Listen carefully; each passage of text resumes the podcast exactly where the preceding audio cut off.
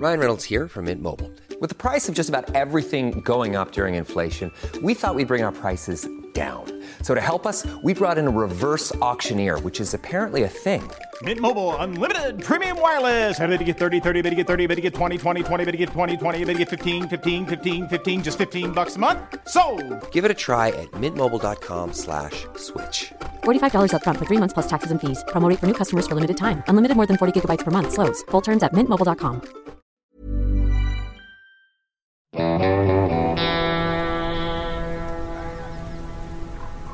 Velkommen til podkasten Villmarksliv. Mitt navn er Knut Brevik, og jeg er redaktør i bladene Villmarksliv, Jakt og Alt om fiske.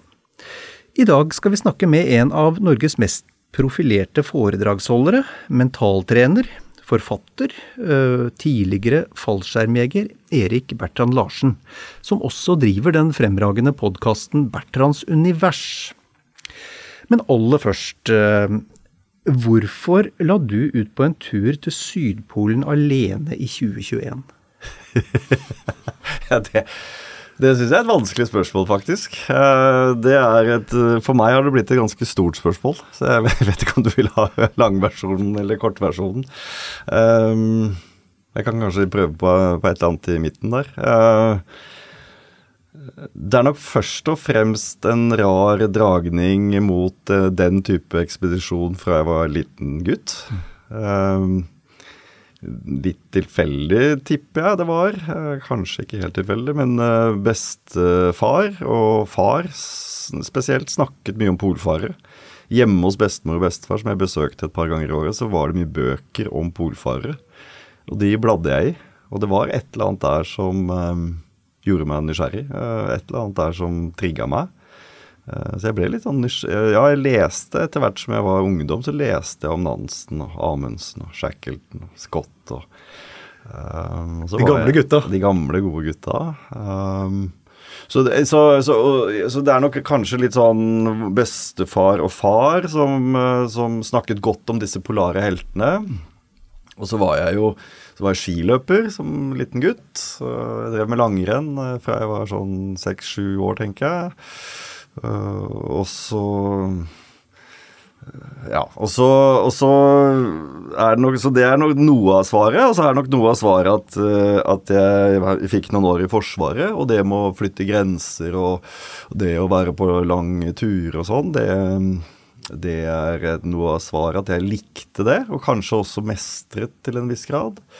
Uh, far sine turer uh, Altså, jeg var mye på tur med far. Uh, om det var Børgefjell eller Jotunheimen eller eh, ja, rundt omkring. Vi var far til og med på en liten ekspedisjon eh, i Canada, far og jeg, når jeg var i 20-årene. Um, så og så, og så var det Så, så det, er nok, det er nok noe. Og så hadde jeg en ordentlig nedtur i livet. Uh, i, som ja, eh, 14, 15, 16, 17 så hadde jeg en litt sånn tøffe år eh, og trengte eh,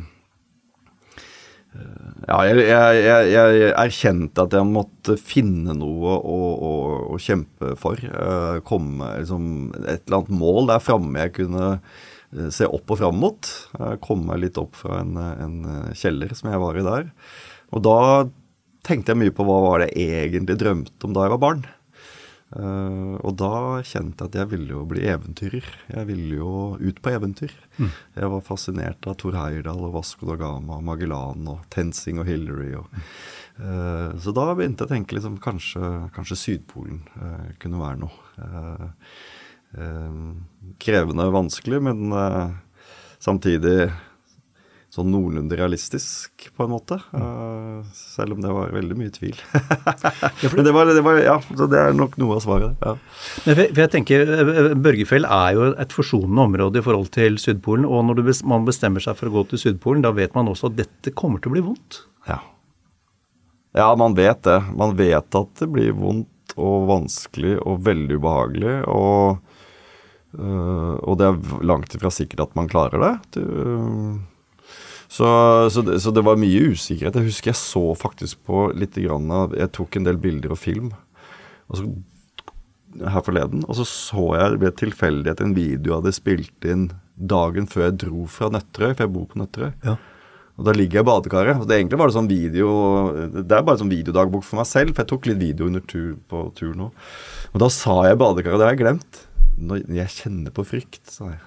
Kjenner på frykt. Hva er det jeg har gitt meg ut på? ja. ja. For det er, det er altså Det er vel eh, en av de mest nådeløse delene av helligkloden vår? Ja det, er, ja, det er det nok. Eh, det er det kaldeste kontinentet. Det er det tørreste. Det er det mest forblåste. Mm. Um, så, så, det er jo Det er jo Jo det er, det er, en, det er jo Det er jo det er ikke ufarlig. det er det ikke. Mm. Men, men, men, det jeg tenker på um, hvordan, for, for, oss som ikke har vært der, hvordan, hvordan forløper en dag i isødet? Altså ja, underveis på, på ja. den turen der, så, så um, Jeg prøvde å stå opp til noenlunde samme tid. Noen polfarere er veldig opptatt av veldig strikte rutiner. eller altså Ekspedisjonsfolk er veldig opptatt av å holde på rutiner. Jeg, jeg, litt, jeg, er nok litt annerledes der. Sånn sett var det en fordel.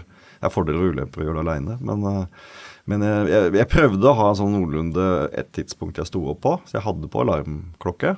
Um, jeg gruer meg, det jeg gruer meg, Noe av det jeg gruer meg mest til i forkant, var å gå ut av posen på morgenen. Eh, og trodde at det skulle kanskje være det mentalt mest krevende. Uh, men det var ikke så ubehagelig. Teltlivet i Antarktis var mer levende enn det jeg trodde. Okay. Fordi jeg, sola er jo oppe på sommeren der. Mm. Og den røde duken attraherte ganske bra med varme. Så det, det var jo alltid noen kalde morgener. Det var mindre liksom guffent å gå ut av posen enn det jeg trodde. Mm. Sånn, hvis det er kaldt, så bare smyger jeg henda ut, og så, og så, setter jeg i gang primusen. Eh, hvis det var levelig, så bare gikk jeg ut av posen og satte meg i kuldegropa, på å si, og så, så er det smeltesnø. Det er det første du gjør, er smeltesnø. Mm. Eh, for resten av dagen, og ikke minst for frokosten. Og så spiser du frokost, og så begynner du å pakke utstyret. Uh, det går jo fortere og fortere etter hvert som man har gjort det der noen ganger. Og så er det å få ned teltet. Og det er jo et stykke arbeid. Det tar, for meg var det to timer fra jeg våkna til jeg hadde uh, ski på beina. Mm. Mm. Det er en del, Jeg vet at det er en del uh, ekspedisjonsfolk som tyner det ned en time, men jeg satte pris på å ha litt god tid om morgenen. Så jeg unte meg en liten kopp kaffe og mm. koste meg med frokosten og tok meg god tid på morgenene. Det gikk litt utover nattsøvnen kanskje, men jeg hadde litt sånn livskvalitet i det. Det er litt sånn turkvalitet i det. ja. Så jeg koste meg litt på morgenene der. Og så, og så er det å gå, da. og det er jo mye gåing, da. Er, eh, så da jeg, jeg, hadde en sånn idé om at man skulle gå i type 50 eller 55 minutter, og så en liten pause. Men det endra jeg ganske kjapt. At jeg gikk på morgenen, så gikk jeg gjerne to-tre timer. Og så tok jeg en pause på, på et kvarter, kanskje, eh, hvor jeg fikk i meg litt kjeks eller litt mat og, og drikke. Og så, og så, holdt jeg på sånn. Stort sett en liten Etter den to-tre-timersøkten så hadde jeg stort sett en liten pause hver time på ned i fem-seks-sju minutter. Mm, mm. Uh, da er det litt kjeks og, og, vann som er greia underveis. Uh, litt variasjon med om det er noe tørka kjøtt eller noe tørka frukt eller noe sånt. Men hadde lunsj, jeg hadde en lunsjpose som, eh, som, jeg spiste litt av, da. Mm. Uh, og så går man Gikk jeg vel i ti Tipper sånn snitt ti-tolv timer om dagen. Mm. Uh, og så er det ikke noe problem å finne teltplass i Antarktis, stort sett. ikke noe trengsel? Så det var Det er mye flate områder, selv om det var mer i fjellet enn jeg faktisk trodde. Uh, så var det å sette opp teltet, da. Og så, og så, var det å begynne å smelte litt igjen og lage middag. Og så får man full, muligheten til å slappe av litt og kose seg litt før man prøvde å sove. Men det, det var nok en typisk dag. Hørtes kjedelig ut når jeg sa det nå. men, men, men, jeg tenker suksessen til sånn som, sånn som Amundsen var ekstremt opptatt av detaljer og forberedelser og forberedte, vært, hadde, hadde vært gjennom alt i tankene på forhånd, og ikke minst testa det ut. Hvordan var din, hvordan var din forberedelsesperiode? Ja, den var, eh, den var lang. Altså, jeg var to og et halvt år omtrent. Uh, mye turer med erfarne folk. Uh, hadde en som het Lars Ebbesen, som var um, Som mange som hører på nå, sikkert vet hvem er. Uh, men Lars Ebbesen var veldig tett på meg i forberedelsesperioden. Det var en som het Inge, som heter Inge Meløy også, som også er veldig erfaren. Um, Så jeg fikk turer på Hardangervidda med en som het Sebastian. Uh, så jeg var en del aleine. Og så var jeg mye med erfarne folk. Mm. Gikk over Jostedalsbreen med Sigurd Felde, Fjelde som også er en veldig erfaren fjellklatrer. Storveggsklatrer. Som også øste av sin Fantastisk kult å møte erfarne folk spesielt i det der polare miljøet. Ja. For de er så opptatt av å dele. De vil dele. Mm. Og de, de, uner andre nordmenn å få det til. Nettopp. Så hvis du spør Erling Kagge eller Børge Aasland, eller, så får du hyggelige svar, og de, de stiller gjerne opp. Mm. Liksom. Mm. Så, så, en som het Rotmo også, som var villig til å, til å dele. Og, og um, Alexander Gamme ringte meg. og um, Kristian uh, uh, Eide ringte meg. og så, så, jeg ble nesten rørt over hvor mange som ville bistå og komme med gode råd og innspill. Det tror jeg er helt avgjørende. Fysiske delen, altså det var 250 timer med dekk eller et eller annet sånt. Mm. Så jeg, jeg, var jo fysisk ganske robust. Uh, var jo hele tiden, lurte jo hele tiden på om du var fysisk nok skikka. Mm. Men jeg tror nøkkelen for meg var å gå og ikke minst snakke med de som var erfarne. Mm. Um, også en del testing av utstyr og sånne ting, men jeg er nok en av, jeg heller nok liksom over på den sida som var liksom min, minst opptatt av utstyr og testeutstyr og sånne ting. Jeg, jeg, stolte nok litt på at ok, er dette her bra nok? Ok, da går jeg for det. Mm. Mens andre er mer sånn veldig mye fram og tilbake på det, mm. med ski og staver og primus og telt og mm. hva det nå enn er. Uh, men der var jeg med litt sånn Ok. Uh, jeg, jeg, er ikke så nysgjerrig på det. Uh, og så er det en som heter Vincent. Uh, Eh, Colliard, eh, en franskmann, eh, som jeg var på Svalbard sammen med. Som også var Han var med meg faktisk ned til Chile og pakka de siste tingene og bytta ut noe av utstyret helt på slutten. Og, okay. Så han også var helt Det er mange jeg må takke, faktisk, mm. for at det gikk. Så fysiske forberedelser, tur, altså bli kjent med GPS, ikke minst rutinene. Mm vite hvordan man skal fikse ting eh, hvis det går i stykker. Mm. Um, så når jeg tenker tilbake på det nå, så var det jo mye, det var mye forberedelser. Men det er noe av den norske holdningen nå, da. Ja, ja, ja. Gjerne gjennom, uh, gjerne gjennom Amundsen og Nansen at uh, det er den forberedte som overlever. Uh, skal du ha suksess, så må du være godt forberedt. Ja. Mm. Og det, det, det, er jo et morsomt poeng, fordi det, det, var jo den norske holdningen hele tiden. At i de tidligere, for, for de tidligste polarfarerne at man måtte være forberedt. Mens engelskmennene hadde jo den holdningen at eh, For det var jo gjerne overklassen som skulle ut og gå tur. Og, og, de i kraft av å være adel, så fiksa de dette. Mm. Og det gjorde de jo ikke. Nei, det der er jo interessant. Noe av det jeg har plukka med meg fra, fra litteraturen og, og, Jeg lurer på om Erling også snakket litt om dette her. var Eh, Amundsen var jo flink til å hente informasjon bl.a. fra inuittene, og han bodde jo bl.a. sammen med dem, men der var jo britene for fine, da. Liksom. De mm. ville jo ikke gå ned på nivå og snakke med urbefolkningen. uh, så, så, det er nok eh, det, det, er nok en, det er nok en holdning der som er riktig fra det norske polarmiljøet. Og så er det en annen interessant aspekt med det, er at noen hevder at den britiske ekspedisjonskulturen handler om å Litt mer den der at vi skal, vi skal slå elementene. Conquer liksom, vi, vi skal Det er litt mer sånn bite tenna sammen, og, og vi skal, vi skal uh, trøkke på til tross for. Vi skal overvinne det. Uh, riktig. Ja.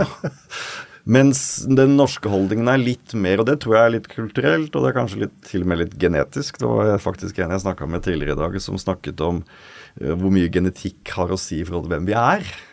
Mm. Uh, og, og um, så, så, vi har nok lyst til å være mer med elementene og forstå dem og ha respekt for dem. Og prøve kanskje på litt sikt bli litt sånn i ett med dem, uh, mens britene er mer den en litt annen holdning til det, som, som er for så vidt litt interessant. Men mm. Eh, jeg, jeg, vet ikke hvor reelt det er. Ja. Morsomt det du sier med genetikk. for Jeg, jeg hadde en, en podkastsamtale med, med, med, polfarer Monica Christensen Solås. Ja. Hun nevnte det. At uh, hun, uh, hun, kunne dokumentere at vi som bor langt nord, er genetisk mer skikka enn andre som polfarere. Ja. Jeg, jeg, er nødt til å følge opp temaet akkurat, og høre akkurat hva han mente, men det er spennende. Ja, er, jeg hadde en podkast med en som het Sturla Ellingsvåg i dag. Og han forsker på genetikk og hvor mye det eh, hvor mye det er forhåndsbestemt hvem du er. Og han sier at 50 Jeg vet ikke om det er en hypotese eller om det er bevist, men han, om, han snakket om 50% av hvem du er, er genetisk. Og da snakker han om hvordan har vi vokst opp i Norge? Hvordan var det i Norge for 8000 år siden? Og Hvis du tenker at eh, vi har blitt formet av forfedrene våre, så, så, kanskje, så, har vi kanskje et godt utgangspunkt for å gjøre det godt på den type tur. Det er kanskje ikke tilfeldig at det er mange norske, om det er Rune Gjelsten, eller om det er Børge, eller om det er eh, Cecilie Skog eller Monica, eller ja, ikke sant. Det er, det er noe der, kanskje. Var det noe som overraska deg? Var det noe du bomma på? Sånn i forhold til forberedelsesfasen og gjennomføringen? Var det noe som, som, som tenkte at oi, den så jeg ikke komme? Uh, yes, Lars Ebbesen spurte meg nettopp om det, fordi han følte nok litt ansvar i forhold til forberedelsene. Uh, og jeg ble litt positivt overrasket, for jeg var, jeg var, forberedt på at det uforberedte kunne skje. Mm. Sånn mentalt så, så, tenkte jeg at jeg må være åpen for at noe kan skje som jeg ikke har forutsett. Men, men der enten så var jeg heldig, eller så var jeg nok godt forberedt. Jeg, jeg fikk ikke scenarioer hvor jeg tenkte at oi, dette her så jeg ikke komme sånn på utstyr eller rutiner eller dårlig vær eller uh, Det var en ski som knakk. Mm. Uh, og, og, det var en felle som jeg sleit litt med. Og, uh, det, og det, jeg, jeg, hadde, jeg, hadde, litt problemer med magen. Det var kanskje det minst der hadde jeg, Jo, der hadde jeg for så vidt for lite sånne piller på, på magen. Så jeg hadde veldig løs mage de siste to-tre ukene. Mm. og det tapte jeg mye vekt på, blant annet. Um, Uh, men hvis jeg skal prøve å finne noe som Så nå Jeg flytta grenser uh, både fysisk og mentalt. Det var jeg for så vidt forberedt på, men den, hvilken følelse det ga meg å være ute så lenge uh, og hele tiden bare være med seg selv og sine egne tanker. Og det å fysisk kjenne at du ble tynnere og tynnere og svakere og svakere, det var nok det. Det, det var ukjent territorium for meg. Mm. Uh, jeg, jeg, fikk en melding av et britisk team som, som, gikk samtidig. Um, uh, og da hadde vi gått ti dager, og så fikk jeg en melding av dem på, på GPS-en. En sånn type tekstmelding. Og så sier han uh, ene der um, 'Nå har vi gått i ti dager, Erik. Håper det går bra med deg.' Type mm. melding. Positiv melding. Mm. Sånn tommel opp. Um, og da tenkte jeg ti dager? Ja ja. Og ti dager i norske fjellheimen, det, det, har jeg tenkt er ganske lenge. Mm. Og så tenkte jeg men det er 50 igjen. Det er 50 igjen. Mm. Og det var tidvis mentalt krevende for meg at det var, det var langt. ja. det, det, så det var det mest sånn ukjente territoriet jeg gikk eh, inn i. Så det, det var jeg jo ikke forberedt på, for det har jeg ikke gjort før. Jeg har ikke vært i nærheten så lenge aleine før. Nei, men hva, hva, skjer da? Hva skjer inni hodet når man er For det har vel de færreste av oss. Og det er jo som du sier, 10 dager eller 14 dager i norsk fjellheim er lang tid, altså. Mm. De fleste er også er ute to-tre dager, og så er vi tilbake igjen. ikke sant? Mm. Altså, hva, skjer i hodet når man er så mye alene og samtidig har det så vidt øh, For det er en hard fysisk anstrengelse. Jeg, jeg, ble, jeg, ble, litt overrasket over hvor mye, hvor mye jeg tenkte. jeg skulle ønske at jeg gikk mer inn i en sånn meditativ tilstand og bare var. Men jeg, jeg grubla mye, jeg, det var, og det kunne være negativt tankekjør eh, i timevis innimellom. Um, og det, det, var, det overraska meg, det, det syntes jeg var slitsomt. Uh, det som hjalp der, var at jeg jeg ville jo egentlig bare være mer til stede i naturen. Jeg ville egentlig hva skal jeg si, gripe øyeblikkene i større grad. Og, og, og fighta egentlig disse negative tankene. Men det som til slutt skjedde, var at jeg bare lot tankene komme. Og så virker det som om det Da fikk jeg prosessert mm. ting som har skjedd tidligere i livet. Eller ja, det var nok mest grubling på fortid jeg gjorde, da. Om det var vonde skilsmiss, eller om det var eh, feil jeg har gjort, eller teite ting, eller så jeg grubla mye på det, og det kom litt sånn overraskende. Men jeg tror det var fordi at i dag i, i min travle hverdag så får jeg ikke prosessert ting. Mens der så var det jo bare meg og mine tanker. Og da, mm. da kom det opp vonde ting fra fortiden.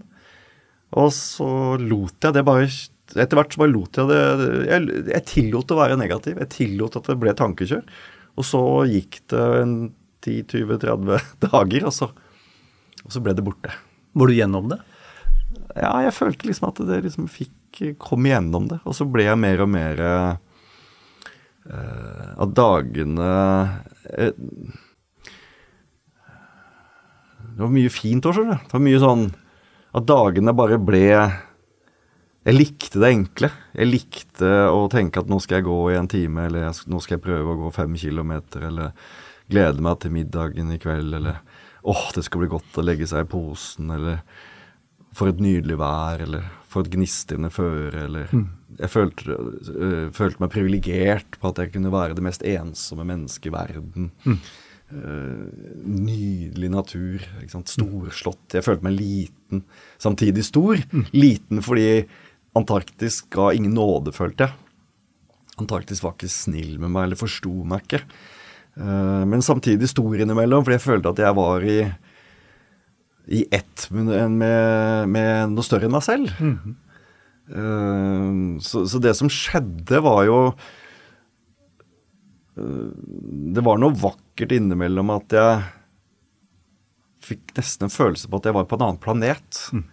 Og fikk et innimellom litt sånn perspektivet på hvordan lever vi livet vårt? Hvor vakker er ikke planeten? Uh, hvor vakkert er det ikke å ha livet? Mm. Så det var mye sånne refleksjoner òg.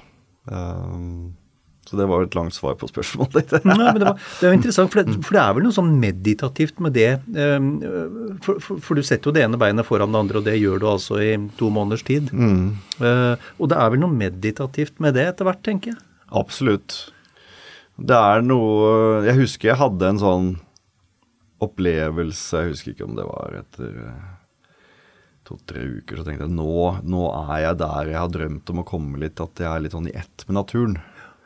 Uh, rutinene går litt av seg selv. Trenger ikke å tenke så mye, jeg bare gjør tingene. Mm. Rutinene funker, og så kan jeg være til stede i forhold til vær og vind og solen. Du blir jo Du, du, du slipper å gå på kompasset. Du, du kjenner vindretningen, du kjenner kulda. Uh, du ser ok, nå bygger skyene seg opp der. Da antar jeg at jeg har fin sikt en time til. Uh, og, så, og, nå blåser det opp. Ok, hvis det blåser opp mer nå, så må jeg være litt var. Så du, den der å være til stede i naturen og hele tiden var, liksom, prøve å og til og med, Kanskje til og med føle at du, du er med naturen. Mm. Og Ikke at du nødvendigvis forstår den, men du, du er liksom med den. og Det syns jeg var nydelig. Og Det var noe av det jeg ønsket å oppnå med turen òg. At, uh, at hvis jeg kan være så privilegert og heldig og liksom sette av to-tre måneder av livet mitt og, og, bare være på en sånn egotripp, så er jo mm. det fantastisk. Men kanskje jeg kan, kan, gjøre noe med meg, kanskje det kan gjøre noe med meg som menneske, og at det kan være bra for andre eh, senere. Eh, men eh, nei, det var, det var, fint, det, altså. Meditativ tilstand innimellom, og føle at man er i man del av noe større, del av naturen. Vi er jo naturens barn, tenker jeg. Mm. Og så lever vi gjerne i en asfaltjungel eller i by eller Jeg syns det er interessant å stille spørsmålet kanskje vi var Kanskje vi var lykkeligere som jegere og sankere. Mm. Kanskje vi Før sivilisasjonen og jordbruksrevolusjonen, så kanskje, kanskje mennesket hadde det bedre med seg selv. Jeg vet ikke. Du har jo vært inne på det litt, har du ikke det? Det her med gleden over det, det enkle. Altså ja man står opp om morgenen og man har enten, enten, man skal gå, eller man skal jakte, eller man skal fiske. Gjennomfører man det, og så skal man spise, skal man sove. Uh, veldig, veldig enkle ting som samtidig gir en sånn dypt indre tilfredsstillelse. Ja, for jeg tror vi kommer hjem, da. Til det vi egentlig er. Mm. Altså, jeg, jeg, tror jo ikke det er tilfeldig at mennesker i dag elsker jakt, fiske, om det er klatring eller Altså det som tvinger oss tilbake til ett fokus, og det å være tett på naturen altså, Du har sikkert snakket med tusenvis av mennesker som bruker villmarken. Og, og, hva det gjør med oss, det er jo eh, Jeg tror jo det er, det er da, da, kommer vi tilbake til den vi egentlig er. Mm. Og da kjenner vi en godhet og en tilfredsstillelse og noe vakkert med det. Mm. Uh, så de som har kjent på naturen, søker jo gjerne bare tilbake. Mm. Uh, og hvis man ikke er på havet eller på fjell eller i fjord eller skog, så og man gjør det igjen, så tenker man åh, hvorfor gjør jeg ikke dette oftere? Mm. Mm. Men det, det, er noe med det enkle som er fint for bra, bra Altså vi, det, vi, er programmert for det, tror jeg. da. Mm. Og så og så jager vi jo mye etter mye rart i, i, i samfunnet for øvrig. Og så noe av de sterkeste øyeblikkene mine var de siste 20 døgnene, tenker jeg. Eh, jeg kunne få tårer i øynene på kvelden av en varm kopp med sjokolade. Og, det, og det tør å påstå at det er kanskje den reneste form for lykke jeg noen gang har kjent. Og jeg er heldig som har fått barn, og jeg har kjent på kjærlighet, og jeg har kjent på oppturer i livet på andre områder. Men den reneste Hey, I'm Ryan Reynolds. At Mint Mobile, we like to do the opposite of what Big Wireless does. They charge you a lot, we charge you a little. So naturally, when they announced they'd be raising their prices due to inflation, we decided to deflate our prices due to not hating you. That's right. We're cutting the price of Mint Unlimited from $30 a month to just $15 a month. Give it a try at mintmobile.com slash switch. $45 upfront for three months plus taxes and fees. Promo rate for new customers for limited time. Unlimited more than 40 gigabytes per month. Slows. Full terms at mintmobile.com. sterkeste form for lykke jeg er kjent på, er nok i teltet med koppen med kakao. Mm. det er jo interessant. At så lite kan bety så mye. Da har du, da har du skrelt bort alt. Alt er skrelt bort. Og så har du tillatt deg å være Du har tillatt å skape noe vakkert fordi du har orket å være i ubehag en stund. Du, har, du har kjent på noen negativt lada følelser. Sliten eller sulten eller kald eller Og så får du kontrasten. Og vi, skal vi kjenne på det euforiske og vakre og fine, så må vi også tørre å være på motsatt side innimellom, tenker jeg da. Du, ehm, vi, eh, vi, vi hopper fra, fra Sydpolen. eh, Fascinerende, fascinerende historie for øvrig. Og så hopper vi fire tiår tilbake, og nå, eh, nå, nå refererer jeg til podkasten din. Veldig, veldig bra for øvrig. Ehm, Tusen takk i like måte. Eh, fordi der, der har du en eh, Der omtaler du deg selv eh, som, som veik og puslete som, som barn Ja. og ung. Litt på utsiden og et mobbeoffer. Og i en av, av podkastene dine så har du skildra en episode eh, som er ganske grusom. Eh, hvor, hvor det faktum at du ble banka opp i storefri, ikke møtte medlidenhet eller noe slags ønske om å hjelpe deg fra noen jenter som så på, men, men snarere forakt. Eh, og, og det er jo i seg selv ganske grusomt. Men jeg tenker, hva, hva, altså, hva gjør en sånn episode med deg? Ja, nå, nå ble jeg nok ikke banka. Det var liksom, det var snøbasing. Eh, så det, men eh, men det, var, det stemmer det at det var eh, flere av de litt større gutta som, som snøbaste meg. Jeg lå litt, jeg lå på bakken, og, og de putta snø inn i klærne mine. og så det var nok ikke fysisk så brutalt i det hele tatt, men, men det var jo men det var jo, det var sånn jo den- Det var følelsen, ja. Det var fornedrende. Og så fikk jeg øye på liksom to jenter da, og, og som Jeg fikk en forestilling om at de eh, kunne kanskje gripe inn. Eller det var en sånn tanke om at kanskje, kanskje de Jeg husker jo dette her bare med bilder, så jeg husker det ikke så godt hva jeg tenkte. Jeg husker følelsen. Men jeg husker ikke rene, klare setninger jeg selv tenkte. Men, men jeg, liksom, jeg, følelsen var nok et håp om at kanskje de kunne gripe inn. Mm. Nei, det som gjorde altså det, Akkurat den, den episoden der var jo et av de knekkpunktene Det var nok litt sånn dråpen Fordi jeg løp Fordi jeg kom ikke inn i Eller da jeg gikk inn i klasserommet, eh, så sa læreren du er jo helt våt, for da hadde klærne rukket å smelte, eller snøen hadde rukket å smelte litt. Så læreren sa du er jo klissvåt, Erik, du må komme deg hjem og skifte. For læreren visste at jeg bodde rett ved skolen.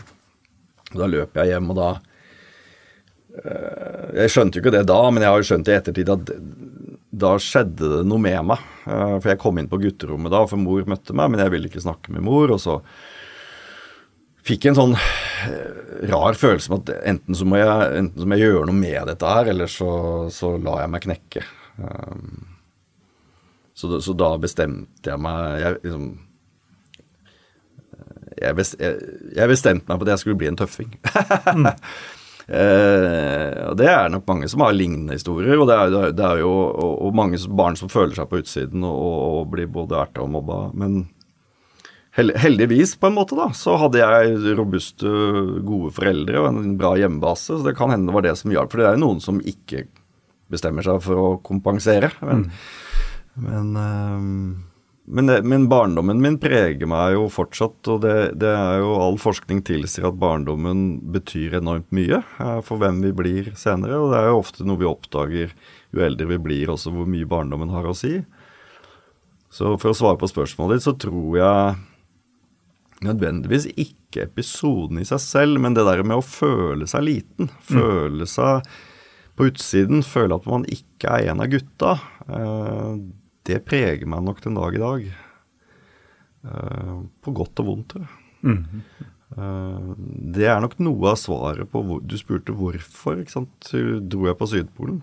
Jeg tror noe av hvorfor ligger i også det der at jeg har fortsatt et behov. Kanskje jeg vil ha det uh, resten av livet. Et behov for anerkjennelse eller mestring eller å være noe. Bli noe i større grad enn de som bare har hatt en helt ålreit oppvekst. Mm. Mm.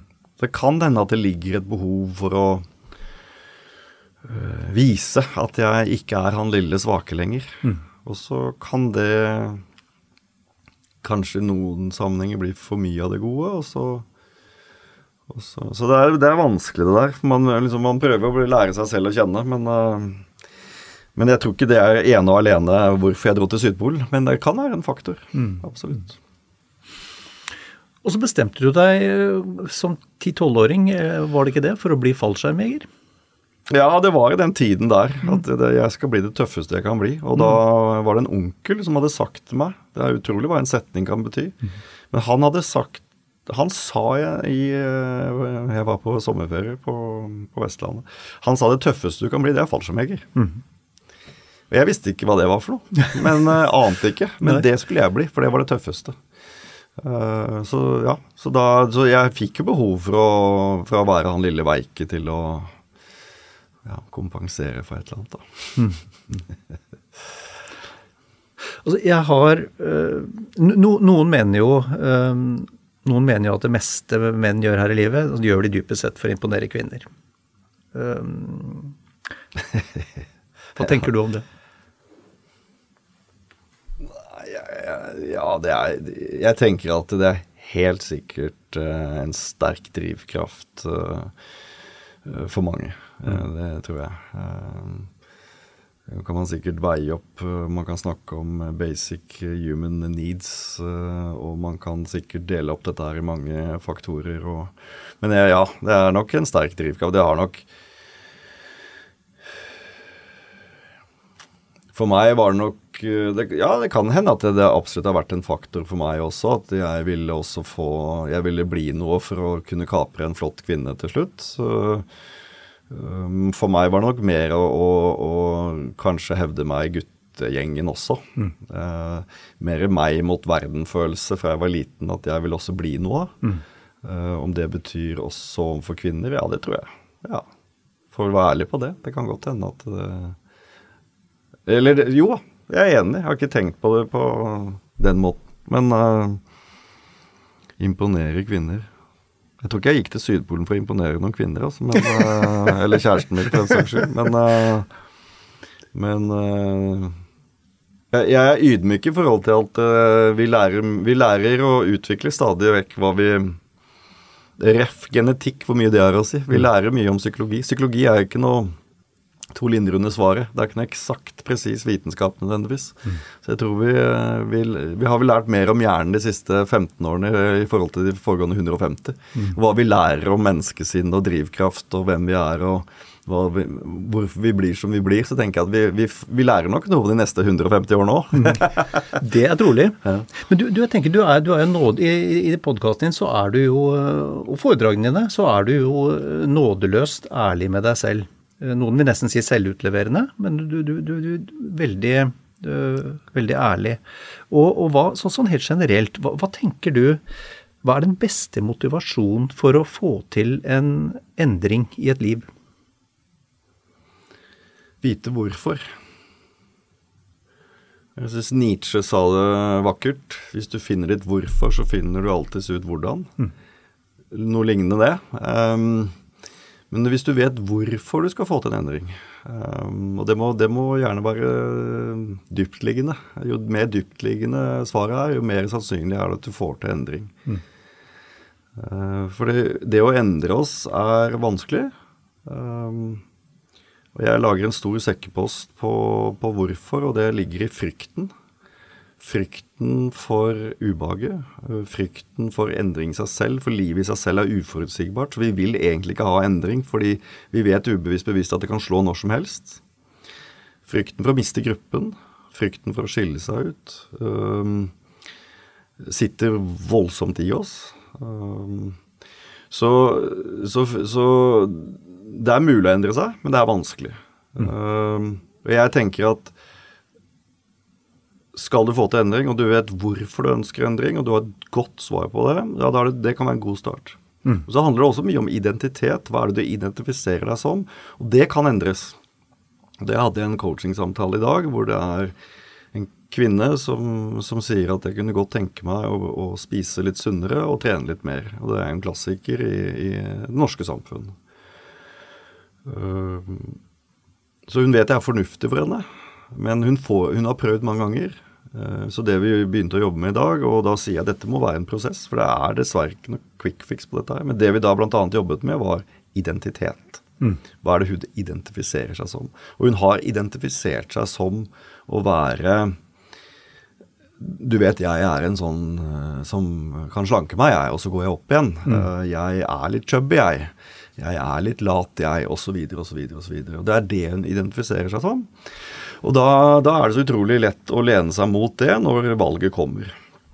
Det preger en i valget. Så jeg vil si vite hvorfor, og være bevisst på hvordan man eventuelt kan justere en identitet. Og Det handler mye om hva du faktisk velger å si til deg selv, og hva du velger å fokusere på i forhold til deg selv. Mm. Og Hvis man begynner der, og det sier for så vidt all forskning òg, at det er der vi må begynne. Eh, og hvis man gjør det, og gjør et stykke arbeid der, så er det mulig å faktisk få til endring. Mm. Mm. Jeg, jeg, eh, jeg, tenker en som alle, du, du, du, er jo, har jo en suksess. Um, uh, Ettertrakta foredragsholder. Skrevet, skrevet, fire bøker, er det vel. Um, solgt 160 000-70 000 bøker, eller hva det er. Jeg har solgt 600, faktisk. 600 000! Tusen takk. Ikke sant? Um, og, og, det er naturligvis kritikere. Og av, av, filosofien din, av bøkene dine, Um, kanskje deg òg, for alt jeg vet. Men i hvert fall en ja, av skri... Det kan jeg love deg.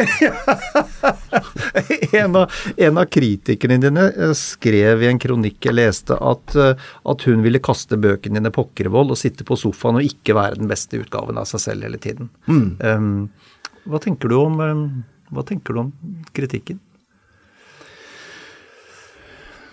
Ja, det, det, er, um, det, er, et uh, vanskelig spørsmål fordi uh, det er følsomt for meg. Um, um, men samtidig så forstår jeg at den kommer. Jeg uh, har ikke noe problem med å forstå det. Og, vi trenger jo kritikk, og vi trenger jo konstruktive tilbakemeldinger for å, for å bli bedre. Så i utgangspunktet så tenker jeg at det, det, er jo noe jeg ber om. Jeg har stukket hodet fram, jeg, og jeg har vært litt bombastisk. Og jeg har solgt litt på et spor som jeg vet kan gi reaksjoner.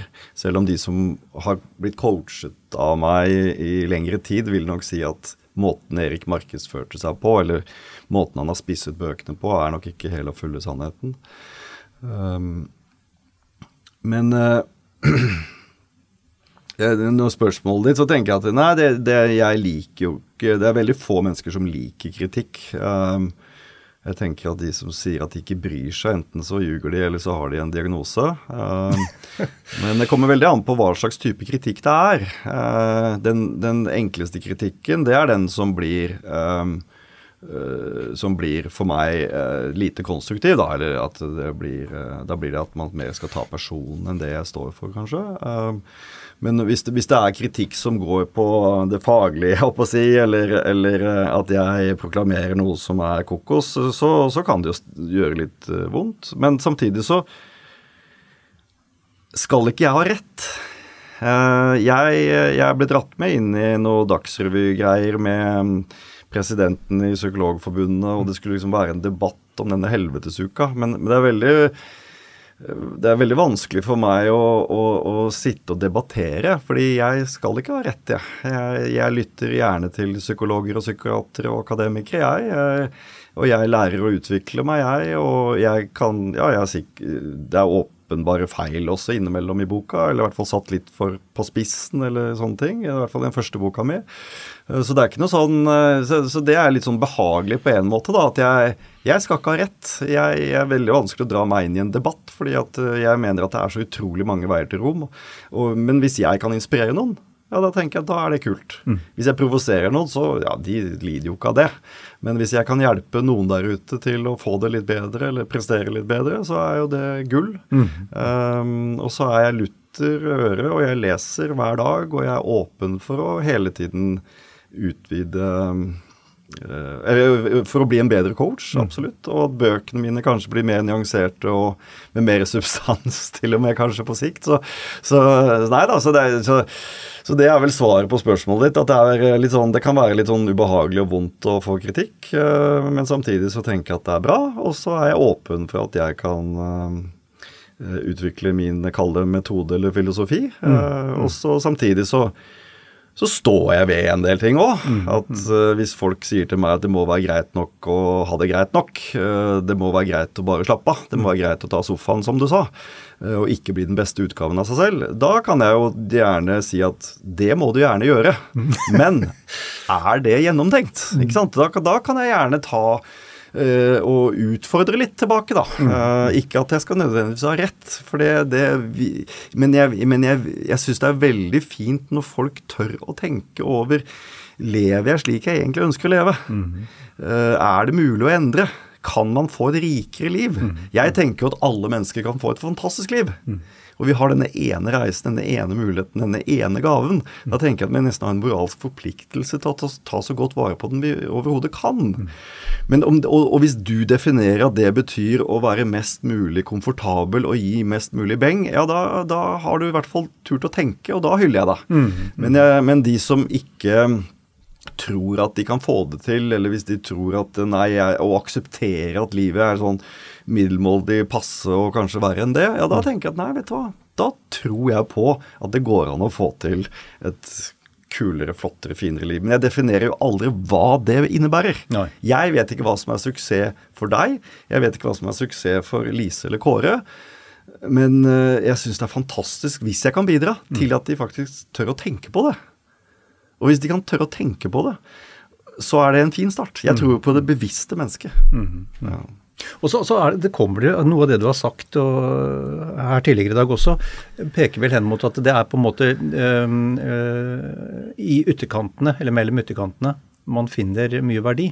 Altså fra å være veldig sliten og da komme inn på teltet, som du sier, og, og få en kopp Altså ja, og, og, ja, det tror jeg. Og, og det er en, det er en, Kall det en emosjonell ytterkant, da. Mm. Men da er det jo så utrolig forskjellig hvor den er, ikke sant. Mm. Og for noen er det en kamp bare å komme seg ut døra gå seg en liten tur. Mm. For andre er det en, en, en, enorm utfordring å spørre noen på en date, mm. eller å ta et initiativ overfor sjefen, eller å mm det er jo så utrolig forskjellig hvor vi ligger der sånn, men jeg, jeg, tror at det kan være Jeg tror vi får Jeg tror at skal du leve rikt, så handler det om å kjenne på ulike typer følelser. Og jeg tror at hvis du skal kjenne på de fine følelsene, de positivt følelsene, så er vi dessverre avhengig av å kjenne på det diametralt motsatte. Mm. Og så er det enorme krefter i oss mm. som gjør at vi egentlig vil ha det mest mulig komfortabelt. Og da Hvis du leser litt evolusjonspsykologi, så blir det åpenbart hvorfor vi mennesker egentlig søker enkleste motstands vei. Vil ha det mest mulig komfortabelt. Det er ikke rocket science. Vi kommer fra en brutal verden mm. hvor vi levde tett på naturen. Og vi måtte kjempe for litt komfort. Mm. Men vi gjør det fortsatt. Mm. I en verden som er helt annerledes. Mm. Vi har jo vi har revolusjonert måten vi lever på på bare noen hundre år. Mens Homo sapiens har eksistert på den planeten her i hundretusener av år. Mm. Så vi er jo programmert til å søke enkleste motstands vei. Og hvis noen hevder da at hei, og det, det, det tør jeg å utfordre noen på, da, hva med å gå litt utenfor? Og hvis de da ikke tør det, ja, da blir de jo kritiske til meg, da. Fuck you, jeg vil, ikke, jeg vil ikke kjenne på de negative, jeg vil være her. Mm. Og så lenge det er gjennomtenkt, da tenker jeg, da gjør du det. Men hvis du tenker at det kunne vært litt spennende, og jeg tenker at du har det jo i deg Alle mennesker har en enorm kraft i seg. Men vi oppdager det kanskje ikke før vi blir tvunget til det. Og det er det jo mange som forteller meg. At det var først da jeg mistet mor og far, eller det var da jeg var gjennom skilsmissen, eller det var da jeg ble alvorlig syk. Jeg merket hvor enorme krefter jeg har i meg. Og det tror jeg vi alle har. Og kanskje bruke noen av de kreftene til å kanskje utfordre livet litt, da. Eh, Eller måten man lever på, til å kanskje få det enda bedre. Men man må ikke. Men jeg tror mange kan ha glede av det. Bra. Eh, Du, en over til noe helt annet. Jeg tenker du, du, du bestemte deg jo tidlig for å bli fallskjermjeger. Du ble det etter andre forsøk. Du var i Afghanistan, Bosnia, Kosovo, Makedonia. Hva var den viktigste lærdommen du tok med deg fra Forsvaret? Oi. At det bor mer i oss enn vi tror. At du blir sterkere med andre. Kan, det kan jeg skrive en bok om, altså. Men eh, den lille, tynne, veike gutten eh, kunne få til noe mer enn det han i utgangspunktet trodde. Det var jo instruktørene på befalsskolen som fikk meg til å tro det. Instruktørene på fallskjermjegeren sa du klarer mer enn du tror. Og vet du hva? Jeg stolte på dem. Jeg trodde på dem. Så når jeg følte at eh, nå kan det ikke bli verre, så tenk, fikk jeg stemmen til de gutta som sa at nei, men du klarer mer. Og det er jo helt fantastisk å etter hvert også erkjenne det, for da kan det skje ting i livet, og så tenker jeg at vi tåler følelsene våre. Vi tåler utrolig mye, vi er robuste som rakkeren. Så da trenger vi kanskje ikke være så redde for disse følelsene. Vi trenger kanskje ikke å prøve å unngå dem hele tiden heller. Så det lærte jeg. Jeg lærte for så vidt at tilbakemeldinger og kritikk er gull verdt, så lenge det er konstruktivt. Fikk, vi, vi lærte å gi hverandre tilbakemeldinger. Um, så det er noe med team, det er noe med kameraderi, det er noe med vennskap. Hva er egentlig godt vennskap? Uh, og så er det noe med å flytte grenser mentalt, fysisk, som, som betydde enormt mye for meg. Um, hva er en ekte venn, ikke sant?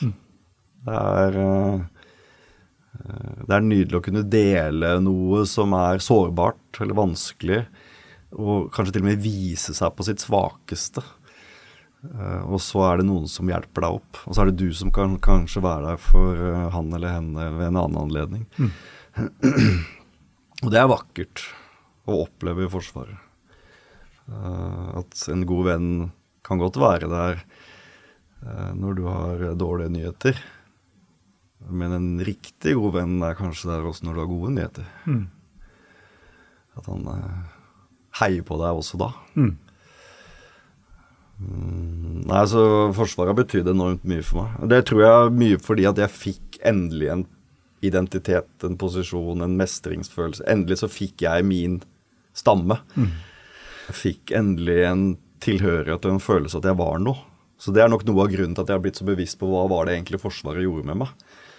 Um, selv om dette her er eh, Selv om jeg begynte i for- i Forsvaret for 30 år siden, så er det fortsatt noe jeg tenker på ofte. Men jeg tror det er de viktigste elementene som jeg var inne på der. Eh, jeg tenker uh, vi, her, vi, vi har jo ikke kommet oss gjennom nå. Det vi tenkte vi skulle komme altså, Vi kunne jo snakket mye om, om um, mange av aspektene ved, ved livet ditt og bøkene dine. Um, men, men litt sånn eh, Hvis vi skal sånn halvveis begynne å runde av um, den, den eh, Erik som ble snødynka i storefri og, og høsta forakt fra de som så på Ville han gjort noe annerledes med innsikten han har nå som 49-åring? Den gangen Ja.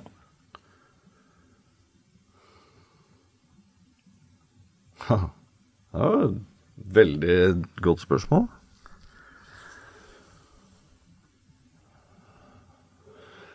Jeg, hadde vel eh, Jeg hadde vel eh, forstått at det var jo ikke nødvendigvis jeg som eh, um, jeg, hadde vel tenkt at uh, det er ikke jeg som nødvendigvis Det er, det er ikke bare meg som bevi, må bevise noe her. Eller det er ikke bare jeg som må kompensere her. Jeg hadde ikke trengt å kanskje føle meg så liten og stusslig. Um, men jeg kan forstå at folk blir erta, men jeg kan også forstå den som, blir, den som erter. Jeg er jo ikke noe dømmende i forhold til en som mobber eller erter. Det, det er Jeg tror jo at folk er født gode, jeg, og så er det så utrolig mye som påvirker oss til å bli den vi blir. Jeg er glad jeg ikke fikk noe sånn personlig hevngjerrighet eller 'jeg skal ta dem'. Det ble mer en følelse at jeg var liten og jeg har lyst til å bli noe. Um, men jeg hadde ikke jeg, Med den innsikten jeg har nå, så hadde jeg jo ikke hatt det behov for å kompensere. Jeg hadde tenkt at det ordner seg. jeg har ikke noe behov for å bli noe tøffing. Jeg kan prøve å finne noen venner, og jeg kan prøve å hygge meg med skolen og drive med litt idrett, og så er det greit. Mm. Du trenger ikke å bli noe tøffing. Du er, du er god nok som du er. Mm. Fantastisk bra. Uh, tusen takk for en hyggelig, hyggelig prat, Erik Bertrand Larsen. Tusen takk skal du ha.